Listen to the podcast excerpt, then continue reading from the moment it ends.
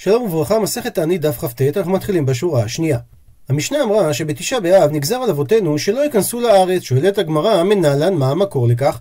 עונה הגמרא, דכתיב, כתוב בספר שמות, ויהי בחודש הראשון בשנה השנית באחד לחודש הוקם המשכן, ועל כך, ואמר מר בברייתא, ששנה ראשונה שיצאו ממצרים עשה משה את המשכן, אבל רק בשנה השנייה הקים משה את המשכן ושלח מרגלים. וכתיב, וכתוב בספר במדבר, ויהי בשנה השנית בחודש השני בעשרים בחודש, נעלה הענן מעל משכן העדות. וזה היה סימן לעם ישראל שהם יכולים לנסוע. וכתיב בפסוקים אחר כך, וייסעו מהר השם דרך שלושת ימים. ועל כך אמר רבי חמא בר חנינא, שאותו היום שהם נסעו, הם סרו מאחרי השם. והוא דורש את המילה וייסעו מהר השם, שהמילה מהר היא לשון מהר.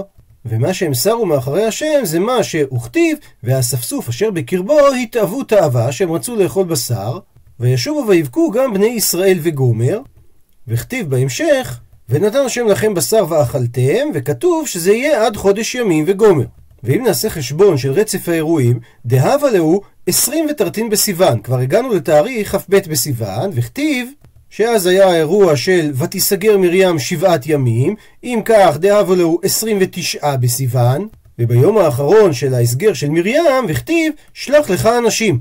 ותניא, וכך שנינו בברייתא, ב-29 בסיוון שלח משה מרגלים, וכתיב וישובו מטור הארץ מקץ 40 יום. בואו נחזור לחשבון בטבלה. האירוע הראשון המוזכר זה בראש חודש ניסן הקמת המשכן. החודש השני ב-20 לחודש נעלה הענן והם נסעו דרך שלושת ימים. בכ"ג באייר מתחיל פרק זמן של חודש ימים שבהם יורד להם בשר מן השמיים, וכעבור חודש בדיוק, בתאריך כ"ג בסיוון, מרים נכנסת להסגר של שבעת ימים עד לתאריך כ"ט בסיוון. שבאותו יום משה שולח את המרגלים, והם חוזרים וישובו מקץ ארבעים יום. פותחת הגמרא סוגריים באמצע הברייתא ושואלת, הני ארבעים יום נקי חד אהבו. הרי יש פה ארבעים יום, חסר יום אחד, רק שלושים ותשעה ימים. שהרי אם נעשה את החשבון, חודש תמוז כולו הוא 29 ימים, עוד יומיים מחודש סיוון ועוד שמונה ימים מחודש אב, זה 39 ימים. מתרצת הגמרא, אמר אביי, שתמוז דהאי שעתה באותה שנה מלויי מלויה, הוא היה חודש מלא של 30 יום. דכתיב וסייעת לדבר שכתוב במגילת איכה, קרא עליי מועד לשבור בחוריי. ומועד זה כינוי ליום עיבור החודש, והכוונה היא שבחודש תמוז היו 30 יום, וכך יוצא שמתאריך כ"ט בסיוון עד לתאריך ח' באב יש 40 יום.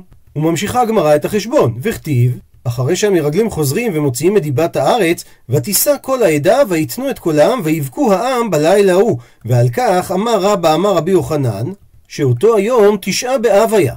אמר להם הקדוש ברוך הוא, אתם בכיתם בכייה של חינם, ואני קובע לכם בכייה לדורות. הרי שהעונש של חטא המרגלים קרה ביום תשעה באב, כמו שאמרה המשנה, שבתשעה באב נגזר על אבותינו שלא ייכנסו לארץ. המקרה השני שאירע בתשעה באב זה שחרב הבית בראשונה.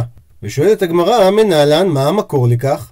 עונה הגמרא, דכתיב, יש פסוק אחד שאומר בספר מלכים, ובחודש החמישי בשבעה לחודש, היא שנת 19 שנה למלך נבוכדנצר מלך בבל, בא נבוזרדן רב טבחים עבד מלך בבל ירושלים, וישרוף את בית השם וגומר. אז לפי הפסוק הזה, שריפת בית המקדש קרתה בחודש החמישי הוא חודש אב, בשבעה לחודש, בזין באב.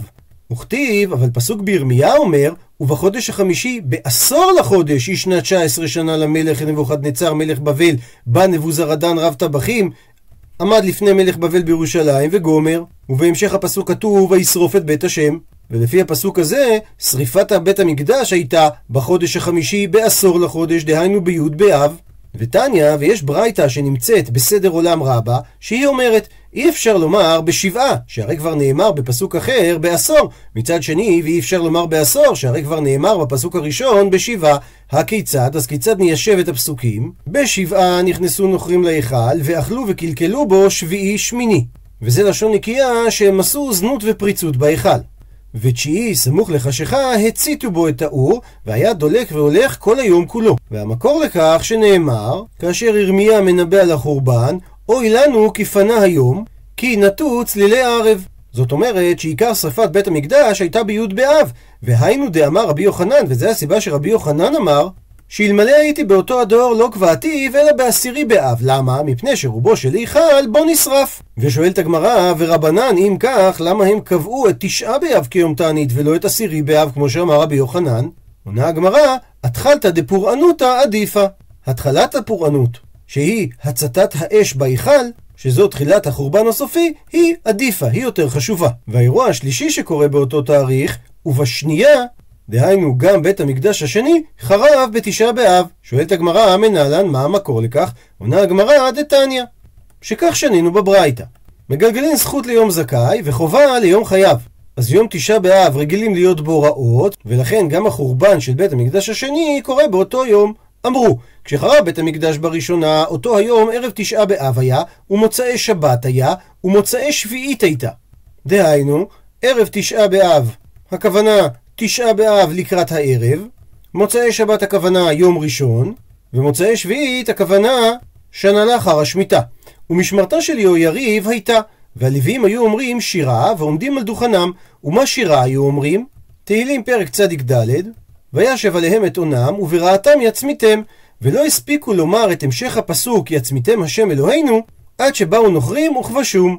ובדיוק באותו תאריך, וכן בשנייה, נחרב בית המקדש השני. הרי שמגלגלים זכות ליום זכאי וחובה ליום חייו. האירוע הרביעי שנזכר שקרה באותו תאריך, שנלכדה ביתר, המקור לכך זה גמרא, דהיינו במסורת. והפורענות החמישית שהמשנה מציינת שקרתה באותו תאריך זה שנחרשה העיר. תניא, שנינו בברייתא. כשחרב טורנוס הרשע את ההיכל, נגזרה גזרה על רבן גמליאל להרגה. בא אדון אחד, דהיינו אחד מהגויים, והוא רצה להציל את רבן גמליאל, ועמד בבית המדרש ואמר, בעל החותם מתבקש, בעל החותם מתבקש. ובעל החותם, הכוונה בעל קומה וצורה, אדם חשוב, או גדול הדור. ומתבקש, הכוונה שמחפשים להרוג אותו, והוא אומר את זה ברמז, כדי שלא יכירו בו אנשי המלך, שהוא מזהיר את רבן גמליאל. שמע רבן גמליאל, הבין מהו נרמז, אזל תשא מניו. הלך והתחבא. אזל לגבי בצנעה, הלך אותו אדון גוי אצל רבן גמליאל בצנעה, אמר לי, והוא אומר לרבן גמליאל, אם אציל נא לך, אם אני אציל אותך, מה הייתית לי לעלמא דעתי? אתה תביא אותי לעולם הבא? אמר לי, עונה לו רבן גמליאל, הן, כן. אמר לי, אשתבא לי, תשבע לי שאכן כך, אשתבא לי. נשבע לו רבן גמליאל על הדבר, ואז אותו אדם סליק לאיגרא, הוא עולה למקום גבוה, נפיל ומת, והפיל את עצמו ומת. וגמירי, והיה מקובל אצל הגויים, דכי גזרי גזרתא, ומת חד מניו, שאם הם גוזרים גזרה וימות אחד מהיועצים, אז הם חושבים שזה יירע להם בגלל שהם הרעו בגזרה שלהם. ולכן מבטלה לגזרתיו. וממילא ביטלו את הגזרה שרבן גמליאל יצא להריגה, יצתה בת קול ואמרה, אדון זה מזומן לחיי העולם הבא. ומביאה הגמרא ברייתא, תנו רבנן, משחרב בבית בראשונה נתקבצו כיתות כיתות של פרחי כהונה, דהיינו של כהנים צעירים, ומפתחות ההיכל בידן, ועלו לגג ההיכל ואמרו לפניו, ריבונו של עולם, הואיל ולא זכינו להיות גזברים נאמנים, יהיו מפתחות מסורות לך, וזרקום כלפי מעלה, ויצתה כעין פיסת יד מהשמיים, וקיבלתן מהם, והם קפצו ונפלו לתוך האור. ועליהם כונן ישעיהו הנביא, שאמר, מסע גיא חיזיון. מה לך יפו כי עלית כולך לגגות, תשועות מלאה עיר הומיה, קריה עליזה, חללייך לא חללי חרב ולא מתי מלחמה. וכך משמעות הפסוק. גיא חיזיון זה על ירושלים שהכל מסתכלים שם. מלאך אפוא כי עלית כולך לגגות. אלו הכיתות כיתות של פרחי כהונה שעלו לגג ההיכל. שלעומת הפעמים שירושלים הייתה מלאה בתשועות, עיר הומיה, קריה עליזה, הרי בשעת החורבן, אותם הכהנים, הם יהיו חללים, אבל לא חללי חרב ולא מתי מלחמה, אלא הם יתאבדו בנפילה לתוך האור. הוא מסיים את הברייתא שאף בקדוש ברוך הוא נאמר כי יום מהומה ומבוסה ומבוכה לאדוני אלוהים צבאות בגיא חיזיון מקרקר קיר ושועה אל ההר. שמקרקר זה לשון יללה קיר ושועה שהשם מקונן וזועק אל ההר בשביל הר ציון ששמם ציטוט מהמשנה משנכנס אב ממעטין בשמחה. אמר רב יהודה ברי דרב שמואל בר שילת משמי דרב כשם שמי שנכנס אב ממעטין בשמחה כך מי שנכנס אדר מרבין בשמחה. הפכנו דף ולכך יש נפקא מינה מעשית. אמר רב פאפא, הילקח בר ישראל דאית לי דינא בהדי נוכרי, יהודי שיש לו משפט עם גוי, לשתמת מיני באב, שישתמט, ידחה את הדין שהוא לא יקרה בחודש אב, למה? דריה מזלי. שאז מזלו של היהודי בחודש אב הוא גרוע, ולמינצי נפשי באדר. וימציא את עצמו לדון איתו בחודש אדר. למה? כי בחודש אדר דברי מזלי. שאז מזלו הוא מזל טוב. ומביאה עכשיו הגמרא עוד שני דברים בשם רב יהודה ברדר רב שמואל בר שילת בשם רב. כתוב בספר ירמיהו, נקרא בפנים, כי אנוכי ידעתי את המחשבות אשר אנוכי חושב עליכם נאום אדוני, מחשבות שלום ולא לרעה, לתת לכם אחרית ותקווה. אז המילים לתת לכם אחרית ותקווה, אמר רב יהודה ברדר רב שמואל בר שילת משמי דרב, אלו דקלים וכלי פשתן. שבגלות בבל יהיה להם דקלים להתפרנס מהם, שהרי יש הרבה דקלים בבבל, וגם כלי פשתן ללבוש, זה דבר שמצוי בבבל, ואת שני הדברים האלה עשה השם כדי שיהיה להם בגלות בבל אחרית ותקווה. מאמר נוסף, על הפסוק, ויגש וישק לו וירח את ריח בגדיו, ויברכהו ויאמר, ראה ריח בני כריח שדה אשר ברכו אדוני. ועל כך אמר רב יהודה בריידר רב שמואל בר שילת משמי דרב, כריח שדה של תפוחים. הוא מעיר על כך דוקר משה רענן בפורטל הדף היומי, שהיו ששאלו הרי התפוח לא מצטיין בריח מיוחד, והוא מציע לכך שתי תשובות. תשובה ראשונה, לפרי התפוח ריח אופייני נעים המורגש היטב אחרי שנוגסים בו, ואכן מיצוי תפוחים משמש כבושם. ייתכן גם לומר שכוונת חלק מהמקורות איננה לריח הפרי, אלא לריח הנישא באוויר במטעי תפוחים בעונת הפריחה. והבחירה בתפוחים כסמל עשויה לנבוע מצירוף של ריחו הנעים עם מאפיינים חיוביים נוספים כמתיקות, מבנה הדור ופריחה מרהיבת עין. תשובה אפשרית נוספת, שאולי הזנים הקיימים כיום שאותנו אנחנו מכירים, הם תוצרי ברירה במשך דורות רבים, שבמהלכה ייתכן ועבדו תכונות מסוימות כמו ריח בולט. ציטוט מהמשנה, שבת שחל תשעה באב להיות בתוכה, אסורים לספר או לכבס. ועל כך אמר רב נחמן, לא שנו במשנה אלא לכבס וללבוש, אבל לכבס ולהניח מותר. לעומת זאת, ורב ששת אמר, שאפילו לכבס ולהניח אסור. שאם אתה מכבס ומניח כדי ללבוש לאחר זמן, דהיינו לאחר תשעה באב, הרי זה נראה כמסיח דעתו, כי הוא עוסק בכיבוס בגדים, ולכן זה אסור. הוא מוכיח רב ששת את דבריו. אמר רב ששת תדע, שאפילו לכבס ולהניח אסור, דבת לקצרי דבי רב, שהגויים שהיו עושים כביסה בבית רב היו שובתים באותו שבוע. ואומר רש"י שהסיבה שקוראים להם קצרי זה בגלל שכשאשר היו עושים כביסה בעת העתיקה, היו דורסים ברגליהם במים את הבגדים, וזה היה מקצר את בגדי הצמר. ולכן לכובסים קראו קצרי. מיטיב מקשה רב המנונה על דברי רב נחמן, שאמר שהאיסור זה לכבס וללבוש, אבל מותר לכבס ולהניח, שהרי אמרה המשנה, שכאשר חל ערב תשעה באב בחמישי, מותרים לכבס מפני כבוד השבת. ואומר רב המנונה, למאי, לאיזה צורך מכבסים? אם האם תאמר שמכבסים כדי לכבס וללבוש כבר באותו יום חמישי, אז מהי כבוד שבת איכה? איזה כבוד שבת יש בדבר? שהרי הוא לובש אותו ביום חמישי, אלא בהכרח צריך להסביר שהתירו לו לכבס כדי להניח. ונדייק מהמשנה שדווקא ובחמישי הוא דשארי, אבל השבת כולה, דהיינו במשך כל השבוע, אסור. ואם כך זה סותר את מה שאמר רב נחמן, שלכבס ולהניח מותר. מתרצת הגמרא, לעולם ניתן לומר שבחמישי לכבס וללבוש מותר. ואם תשאל, אז איזה כבוד שבת יש בדבר? כי מדובר, וכשאין לו אלא חלוק אחד. דהיינו, שאין לו להחליף לחלוק אחר, ואם הוא לא יכבס עכשיו בחמישי, אז הוא לא יספיק לכבס מחר בשישי. והוכחה לדבר, כמו דאמר רב אסי אמר רבי יוחנן, שמי שאין לו אלא חלוק אחד, מותר לכבסו בחולו של מועד. שאפילו שאסור לכבס בחול המועד, ואפילו אם הוא כיבס את החלוק לפני המועד, בכל זאת מותר לכבס את זה במועד, כי אין לו אלא חלוק אחד, והוא חייב לכבס אותו כדי שלא תהיה עליו כנימה. אז כמו ההיתר המיוחד לכבס בחול המועד כשיש לו רק חלוק אחד, ניתן להסביר שגם בחמישי, שזה ערב תשעה באב, מותר לכבס וללבוש כי יש לו רק חלוק אחד. איתמר נמי, נאמר גם עוד המורה שסובר כרב נחמן, אמר רבי בנימין, אמר רבי אלעזר, לא שנו אלא לכבס וללבוש שאסור, אבל לכבס ולהניח מותר. מי טבעי קושייה ממקור תנאי על דברי רב נחמן, שהרי הברייתא אומרת שאסור לכבס לפני תשעה באב, אפילו להניח לאחר תשעה באב.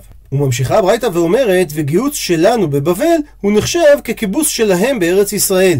כי הגיוץ בבבל אינו יפה אלא כמו רמת הקיבוץ בארץ ישראל, ולכן אסור לגייץ לפני תשעה באב, אפילו כדי להניח לאחר תשעה באב.